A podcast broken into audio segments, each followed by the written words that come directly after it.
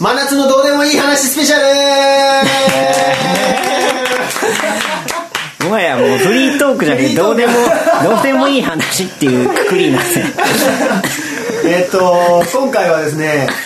夏で夏です完璧に思考が停止してる3人組が夏嫌いな3人ですからそうでねそうだねでもさ年々ちょっと夏って好きになってない、うーんあそんなことない俺だけうん冬よりはマシぐらいか な冬よりはマシぐらいかなあそうなの、ね俺冬の方が全然いい わいやなんかね夏夏でねやっぱこの思考が完璧に停止してる感じっていうのはやばいなと思っててねこれ好きだね結構でもはしゃぐよね夏でしょ去年だって一緒に江ノ島行ったしさそうなのあーそういうのはあるねそうなのよな、結構夏にはしゃぐと、うんあ楽しいなって思ったのはいはいはいそうなのよだからなんかそれに気づいてから夏への対処法が分かったっはいはいはいていう思ってんだよねこれはだから頑張ってはしゃぐけど向いてないなって いつもでも去年はねそれこそ大久保君と2人でオッパーラに行ってあのね、うん前日か前乗りでねそうだね行ったけどねなんか今年もやりたいね行く今年も 今年も海行行ききたたいいね海行きたいいやこんな話でいいのかって思うよいや最近の近況としてはどうなのみんな何してるの最近僕はまあ仕事をしつつでも夏に備えているって感じかなもう夏や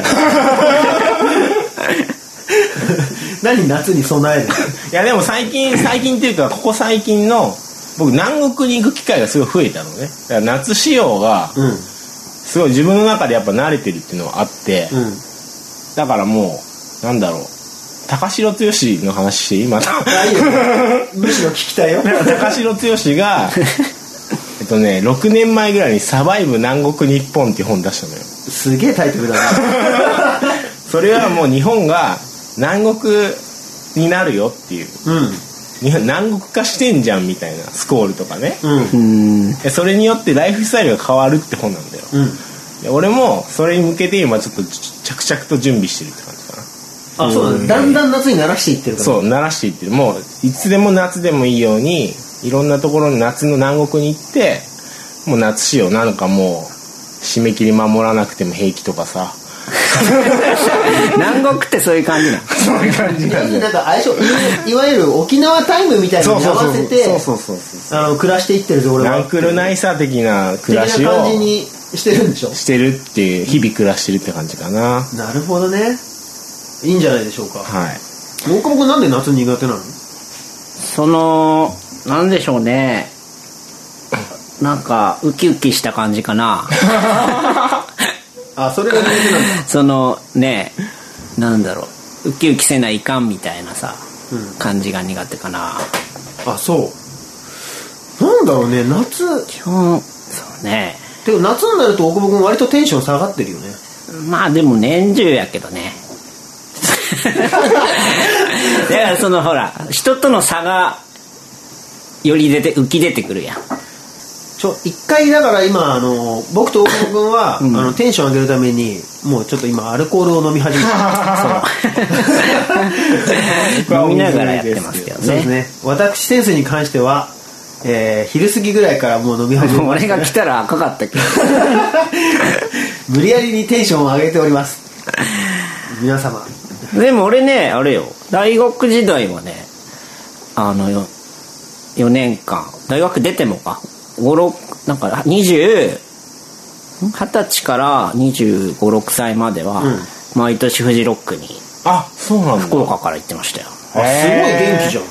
そうやしねあの大学の時は1ヶ月間バイクで沖縄行ってえー、そうなんだそう野宿したりっていうねなんか今考えたらね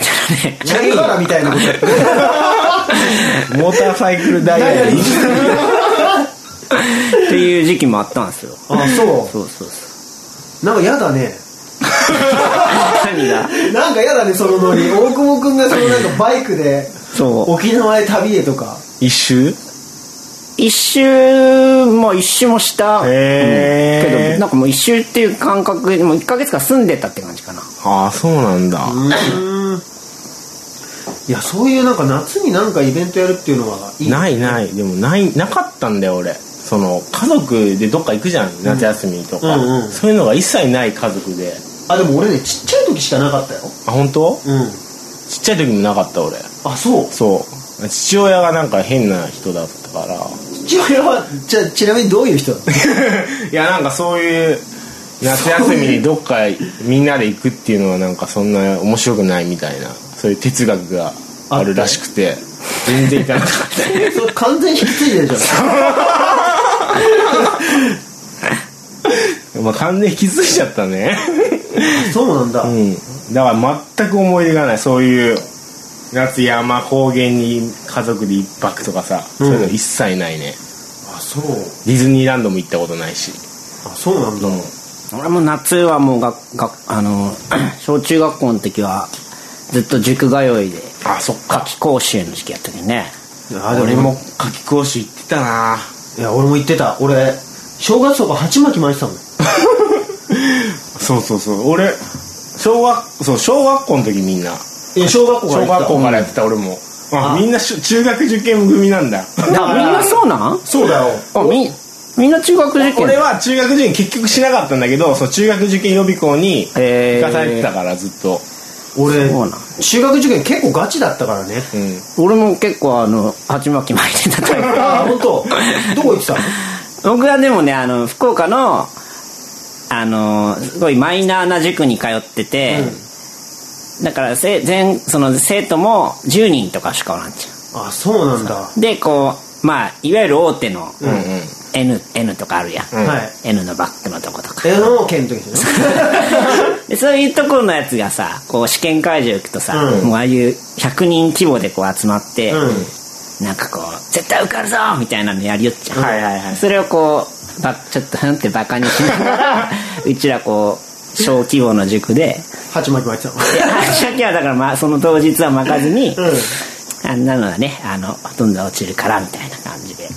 やってましたよやってたねやってた朝から晩までだったよ本当あの時あそうそうそうそうんもうすごい体力だなって今思うその自そうだよ分ねがん俺もなんかさ東京学園っていうところに行ってたうの、んうんそこでさ毎週テストがあるのようんうん毎週のようにだからなんかその何だったんだろうなあの時期ね俺たちはあのアナのギターの大内もそうですかあそうなんだ多分ね中学受験組はみんな歪んでんだよ らそういやでしかも中学あでも中神田君は公立に行ったってことだ一応公立によ行ったもん受けなかった結局ないや俺も受けて落ちて公あ立そ行ったうなよんだそっかそっか意外なことにモニカが公立じゃないとこ行ってるからねあそうなん多分あれ中学受験なんじゃないかなへえうん面白い先生とかいたないたいたよそれで塾に塾にああのね東京学園にはキャンっていう人がいて沖縄出身のキャンっていう先生がいてさ、うんまあくだらねえ授業なんだ、うん鉛とかをさわざと出してるっていうなんかもうわけわかんない先生いてはいはいななんかその先生の授業とかあったねーうちの塾は結構ねあのそういう日農研とかをあの辞めたうん人が集まる塾やったけん、うん結構面白かったあそうなんだなんかそのああいう大手からはいこうちょっとこう、カウンター的なそうそうそうすごいだけね日農研の生徒とこうすっげえバカにして きてもうさっき N って言ってたのに日常会話日農研って東京にもあるの あるよあそうなんだあるある全然あるよ東京は日農研えーっと東京学園サピックスみたいな三強だったあそっか関へえ西浜学園っていうところだったんだよねあそうなの、うん全然違ういやだって結構厳しかったよだって志望校をさあのほら全国テストみたいなのでさ判定したりするじゃないさ、俺9%って出て第 一一番行きたかったところに、うん9%合格確率9%って出て本番3ヶ月前のテストであこれダメだなって思ってまあ落ち込んだっていうねなるほどねやっぱあそこでみんな狂ったのかもね狂ったねうん僕はでも合格いやいいねでもすごいまあねでも僕も落ちたんですけどね一回あそうなんだあの補欠合格っていうのであそうへえコネを最大限に生か してあそれはすごいね入りましたけどねへえ落ちた時はやばかったよね俺もあそうやっぱその3年間ぐらいもう小学校時代のさうん放課後の楽しい時間とかをさ、あの無駄に無駄にっていうかこう犠牲にしてやってきてさ、なしかもその俺がそのまま行く田舎の中学校が校則が坊主やったんよ、でその坊主が嫌で俺、うんそれであの受験しようと思ったんやけど、だもう坊主や終わったと思ってさ、うんうんで合格発表の日平日やったけん、その俺は普通に学小学校に通って、親が見に行ってくれて、で合格したら連絡するからって言われて、うんでその日こう電話かかってこずで学校にでも家まで帰ったんやけどねこう玄関開ける勇気がなくてねずっと家の前でこう友達とこうだべっててあそうなんだでへーもう有給にしようって家入ったら「ダメやった残念やね」って言われてねもうそっから家中の障子を破いて なんかクッションも破いて泣いて暴れ出してで親が塾その塾の先生に電話して「ちょっと純也が大変です」っつって え塾の先生に電話するのうん、あのどうしたらいいでしょうっつってあそうそうそへうえでもまあそっから半月後ぐらいに合格がギリギリ補欠で繰り上がってそっかすごいねドラマチックだねなんかそうですよあそ俺結構やる気なかったなその親の見栄みたいなので生かされてたみたいなところがあってうあそうなんだそうそうそうなんか一応公立の小学校では俺トップだったわけよ、でだったらもう行かなきゃなんないでしょみたいな雰囲雰囲空気、うんそういうので生かされててで大体公立トップでもそういうとこ入ったら全然やってること違うから大体真ん中ぐらいになっちゃうのよで俺真ん中ぐらいにいたから大体上の方は灘高灘中とか東大寺っていうとこあるんだけどその辺狙ってる人たちで真ん中はだ同志社とかうん寛大なんとかとか、うんそういう私立の付属みたいなところを狙ってる集団があって、うんまあ、そこの集団にいたからそこは結構緩かったのねあなるほどねみんななんかあんまやる気ないみたいな感じであそうそうそうでもそなるほうどな俺もなんか中学入ったら、うんさいもうかんめっちゃ下やった補欠で入っとるしさ、うんへえもうみんな大変だね俺ねテストめっちゃできたんだよねあそうなんだ俺ウルトラ頭良かったの小学校の頃だああから努力しなくてもよかったんだけど、うんうんだけどそのツケが今まで回ってきてる 努力の仕方がずっと分かんない一緒だよそれみんな同じタイプじゃないのでもでもそうかもね俺もなんかその小学校で本当できたもん俺もでしょ、うんもすげえぶっちゃけていいううんあのさ小学校受験なんてさ努力した体になってるけどさ、してないでしょして ないいや全く勉強してないいやうんあの俺さめっちゃ下よマジでエイジの中学受験でしょ、うん俺やっぱ相当勉強しまく俺った全けどく遊んでたあのさ多分ね、神田君と俺分かると思うんだけど、ん国語力のみじ ゃんそうそうそうそうそうそうでしょ国語なんてそんな勉強するもんじゃないでしょこんなもんそうこんなもん何いや勉強し読たんいでかた分らかんない普って通に答えればいいじゃんみたいなあのきっと先生とか教育機関ってこういう答え好きだよねっていうのを選んどけばそうそうそうそう絶対大丈夫じゃん、んだから国語力のみで突破したっていうパターンなんだそうそうそれはでもやっぱその行きたい度合いが違うんだよねああ大学へのうんいあやあそ中学のやな中学やな俺やっぱその地元の中学絶対行きたくなかったもんなるほどねこんな田舎絶対出てやろうって思っ俺てだって塾に行ってる理由が当時好きだった子がいてさ 当時好きだった子が行っててうんだから行こうと思って俺も友達が言ってたからぐらいの理由だったなうん何の話だろうねこ中学受験れそうなんです今回は実は仕込みの時間が全くなかったってそうなんいでうすよこねとで何気に忙しい3人組なのでねうなんであの真夏のフリートークスペシャルテンションのみで持ってこうって いうはいテンションとあと,、えー、と配信をちょっと今回だけは、えー、と短めかけ2の感じでやってみようかなって思ってます、はいなるほど。なのでそんな感じでいってみようと思いますよはい。はいじゃあ、ここらで、タイトルコールを。やっとくはい。はいじゃあ、夏バージョンで、はいアナ奥本ビギナー先生のレディオです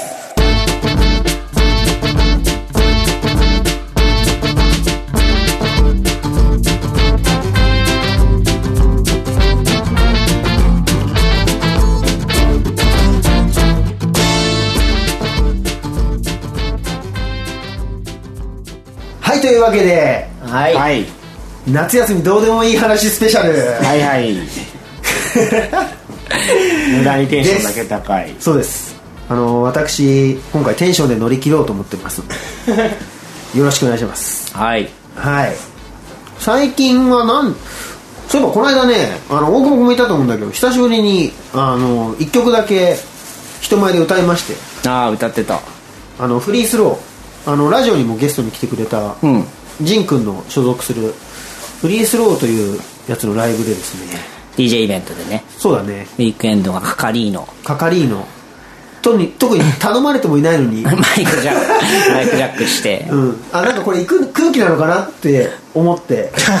ちょっと行ってみるっていう久しぶりの人前。久しぶりの人が全くできてないって どうどうでしたあでもなんか楽しかったですよやっぱりね、定期的にライブはやりたいよね。そうだ ねなんかでもさ俺がまあなんかどうでもいい話スペシャルだから言うけどさ、アナのライブってやっぱ大人だよねある意味大人うんなんかすごいちゃんとやっとるよねそれはちゃんとやってますけど。いやなんか最近ねそのアナを見るとねこうちょこちょこ反省することが多くてまあでもそれは、ほら、ヒップホップっていうのとまたこう違うからね。でもねこの間ねあのーその大家君がいるビデオっていうバンドがいるんですけど、ビデオ見に行った後に、うんまあ3人であの3人でっていうかその大家君と俺と、まあもう一人うん。一緒に来てた人と古い友達と3人であの祖師ヶ谷温泉っていう温泉に行ったんですよ、うんうんで温泉に行きましてで あの、まあ、裸の付き合いをし、その後なぜか俺の実家に行って、実家で3人で飲むっていう謎の流れがあったんですいいね。でまあ飲みながらねこう過去のウィークエンドの曲とかを聴いてたんですけど、うんヒップホップでも何でもねえなっていう話になって 同時になんかこうさ、最近名うてのヒップホップの人たちのやつ見るとさまあみんなさすげえキャラ立ちしてるしさまあキャラ立ちはしてたけどね、ウィーケンドも。いやでもなんか違うのよもうそのラップ自体でキャラ立ちしてるのようん。なんかそのねみんな声とか作り込んでて、うんで俺たちは一体何をやってたんだという話になりましていやまあね反省することが多いんですよいやでもまあウィークエンドはあのねほ永遠の放課後みたいなとこありましたからねいやーあれだよね30前後にして奇跡のこの高校生の始めたばっかりのノリみたいのが出せたっていうところだけが誇りなの、いやだからその通りですよだからそれなりの結果だけを残した っていうちなみにそんなアナはそのビデオの日に僕はビデオを選んじゃったんですけどうんあの同じアコーライスティックセットブをまあアコースティックっていうかそうねやってたんですかライブややりましたよ、うんうんなんかこの間あのツアーアコースティックツアーでやったよりはまあ普通にあのドラムセットも使ったけど、初めてそのあのねうちら本当昔からずっとそういうあの動機うんあのスーパーカーよりもサカナクションよりも前から あの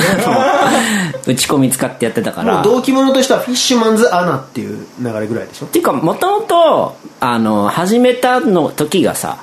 中学生の時におうちと始めた時にあのドラムがいないから打ち込み使ってたんで 友達がいなかったってことですねいい感じのドラムの友達がいなかったっていうねそうそう 初めてやったバンドがターンテーブルとギターっていうセットなんだからねああもうじゃあ最初から結構そうそうそあれだねベックみたいなスタイルやってたんだねそうなんねだから今回多分本当十何年間やってきて初めて生楽器だけでライブやって、ああそうなんだそうそうそうこの間のアコースティックツアーもさなんだかんだ言ってシンセとかサンプラー使ってたけんさ、にしては今回は本当に楽器だけでやって、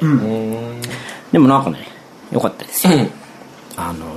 最近の曲はねアルバムの新曲を結構やったんですけど、しか曲自体がすごいしっかりしてるんでねいやでもね俺チラッとだけ聞かせてもらったじゃない うんでもねなんかアンナね新しかったっおーていうかなんかちゃんとしてたちゃんとしてるけどねあのねなんていうの今までってさ結構そのエフェクティブなものが多かったじゃないさ、うんやっぱりなんだかんだ言ってね、うんそのこう打ち込み使いましたとかさ、うその新しさもプラスされてたじゃんでももっとなんかこうシンシンガーソングライターっていうかさそうていうかもうさ30も過ぎるとさ前回は今のアルバムまでやっぱ20代の作品なんやけどさ、うん30過ぎるともうそういうさなんやろうね打ち込み説得力必要になってくるやうんいんね、ハリケーンドとか説得力ないもんねやそうなんだよそうなんだよ説得力のかけらもない説ん得だよ力やっぱりその演奏とかさ、そうなんかギミックとかじゃダメなとこ出てくるけんね、うんなるほどそうねいうのが今回のこうちょっとアルバムのテーマかな、なるほどあのもうついでに告知させてもらうと、うん9月の8日に、うんまあ、大阪でですけど、はいあのその一応完成記念のワンマンライブショーがいやーやばいねありますね大阪大阪大阪です大よ阪 B 期なんで僕たちいいね大 阪大阪ってでもライブいいよね大阪はやっぱ僕好きですねやっぱ違うんだ違うお客さんが一番ね、うんいいへーあったかいうんいや東京は本当冷たい時ある からねそう冷なんだたいというかなんだ恥ずかしがり屋なんでねそうだねすへごいえライブもやっぱ一番難しいそうなんだねそうそうなのよ東京とかひどい時あるからねウィークエンドライブ会場行ってみたらさ、んラジカセが2台あるっていう状態とかあったか ら、ね、もう入りから冷てえっていう感じあったからもういきなりアウェー風が吹いてる「ウィークエンド大好きなんです」っつってラジカセ2台置いてあるっていうすごい状況がありましたからねそっかじゃあワンマンショーはでも楽しみですね9月8日9月4日2人とも遊びに来てください行きますはい。でも多分まあ今ちょうどあの休憩中に話してたんだけど、うん遊びに行こうかって話もあったそのうで、だねなんかね公開収録とか大阪でいいねできたらやっちゃいまいしいょうかねどうしようでも今のところ俺らのリサーチ的にはさ、うん大阪でこれ聞いてますよって人いない よねあ俺の知り合い結構いるあ本当、んあじゃあ大丈夫あのー、9月8日にアナワンマンするんで、なんかそのもし大阪のリスナーの人いたら、うんなんかそのまあアナにでもいいしこのレディオレックス2人3人にはいでもいいし、うんなんかこう質問なりあそうだねメッセージをこうもらえて、なんかまあそれなりに来れば収録やっちゃいましょうかいいですねそうだね大阪でそうだねじゃあみんなちょっとなんか軽くあの無言のメールでもいい のでカラメールでいいんだよカラメールもらってどうすんの MANNERHYTHM アットマークホットメールドットコムまではいあのカラーメールで「大阪」って一言入れてくれたらそれが3通たまったら何かやもしくはフェイスブックページでもいいんでそうですねはいでもね大阪のお客さん本当温かいんでそうですねなんかやってもいいかもしれないですねアナ北本ウィーケンド先生のレディオレックスカマカマカマカマカマピーヤペポレッチョンスポンパンティリポンもうケトル出たから俺離島行って話してもいいけどねああじゃあ離島行った話しようよそうだねどうだったんですか離島はいやーこれがまたね離島はね住みたくないねマジであそう うん行きたくないやっぱ田舎無理って分かった俺逆に珍しいテンションだね、うんいやもう取材だけでいいわちなみにどこに行ったんですかえっとね三重県の上島上島っていう神様の神に島っていうところとあと瀬戸内海の手島っていううんところに行ってそれはねあの直島の隣で、うまあ、アートで有名なで手島も結構アートで盛り上げようまあ島おこしをしてるっていうところなんですけどあのねなんだろうもうねとにかくもう8時回って真っ暗で外出ても何もないし店もないし飲み屋とかはないの飲み屋もないその俺が行った島はね結構でかい島ならスナックとかあるらしいんだけど、うんもう何も娯楽がないねあ結そ構うそういうなん だろう旅人はいっぱいいるの旅人結構いたでなんかなん、まあラン、ナンパじゃないけ どあのなんかその僕はその面白いものを探してたからその観光した人に「なんか面白いものありましたか?」とかきリサーチしたりとかもして結構話したりしたけどまあそれみまあみんなはみんなでまあ普通に観光してって感じ全然情報にはなんなかったんだけど、まあ、結構いたね、特に手島はアートアート巡りの島なんで結構女性の若い女性の方がいっぱいいましたけどねそれ楽しいやんうんアートとかって俺そういやっててあれだけどいまいちよく分かんなくてまあでもそうね、旅にアートは求めんよね、うんなんだなんかあれだよねでもいわゆるさ2人ともさ、うん地方の大都市は出身なわけじゃんそうだねでもそこでさまあ俺ほらシティボーイだからまあ東京出身なのでヒップホップ育ちだからあれなんだけどその地方の大都市からしても、うん田舎の暮らしってやっぱ無理無理だねやっぱりそのドラマがないから、ドラマもないしやっぱね島国根性っていうのが島日本自体が島国なんでそれのまた島っていうねそのあーもう監視あー全体主義みたいなもうあれだで基本的にもう金田一少年のあの閉鎖された そうそうそうそうそう感じっていうのはそうそう誰が犯人なのみたいなそうそうそうテンションはそこはかとなくあるっていもうね全部そこに気使ってるもう取材とかしてても、う、うんもうあのこういうこと書いたらその島中にこういうこと書いてたっていうの広まってちょっとうちも困るからとかいうその修正とかも結構多かったしへえでだもからあの山口のそうそう本当そうだよ あそうなんだ例えばねその手島っていうところに段山っていう結構有名な有名なというかその島一の山があって、そこから見晴らしがすごいいいっていうでバスとかも何もないのねそこに行くには歩いていくしかなくて、うんで俺が泊まったところの人が車で乗せてって行ってあげてもいいんだけど乗せてってとこ見られたらまたあの観光客にそういうことやってるって言って、もうその周り中に広まっちゃうからダメなのよって言って怖っえ村八部すごいねが自分のところだけそんないいことしてるってなるって言って怖いなるねうんなんだろうねそでの感上島の方ももう一刻も早く出たかったとその取材してくれた人結局戻っその人も戻ったんだけどもう全部知れ渡ってるから翌日にはもうそれが嫌で嫌でっつってたねじへえーそういうとこってあのゲストハウスみたいなのあるんですかえっとね上島の方は民宿が3つあってうんで手島の方はしホテルがないのよだから民泊って言って、あの普通の家に泊まるっていう制度を去年ぐらいから始めてでその普通の家に泊まってたのね俺えうは、んそういう制度ぐらいだねだから普通の、いわゆるホテルっていうのないかなへえでも逆に言うと魅力は何だったの魅力はね景色とかやっぱいや景色もねあれ飯なんだよね飯だねそういうとこは魅力だとうん、でも飯もねこれいろいろ問題があってその いや本当ねなんか日本のうん縮図縮図あ本そ当う地方が切り捨てられてるっていうところのその例えば漁師とかいっぱい知り合いにいるわけなんだけど、うんそれをい一度市場に入れないといけないわけだから地元の人は買えないのよ魚とかあその場でそうあそ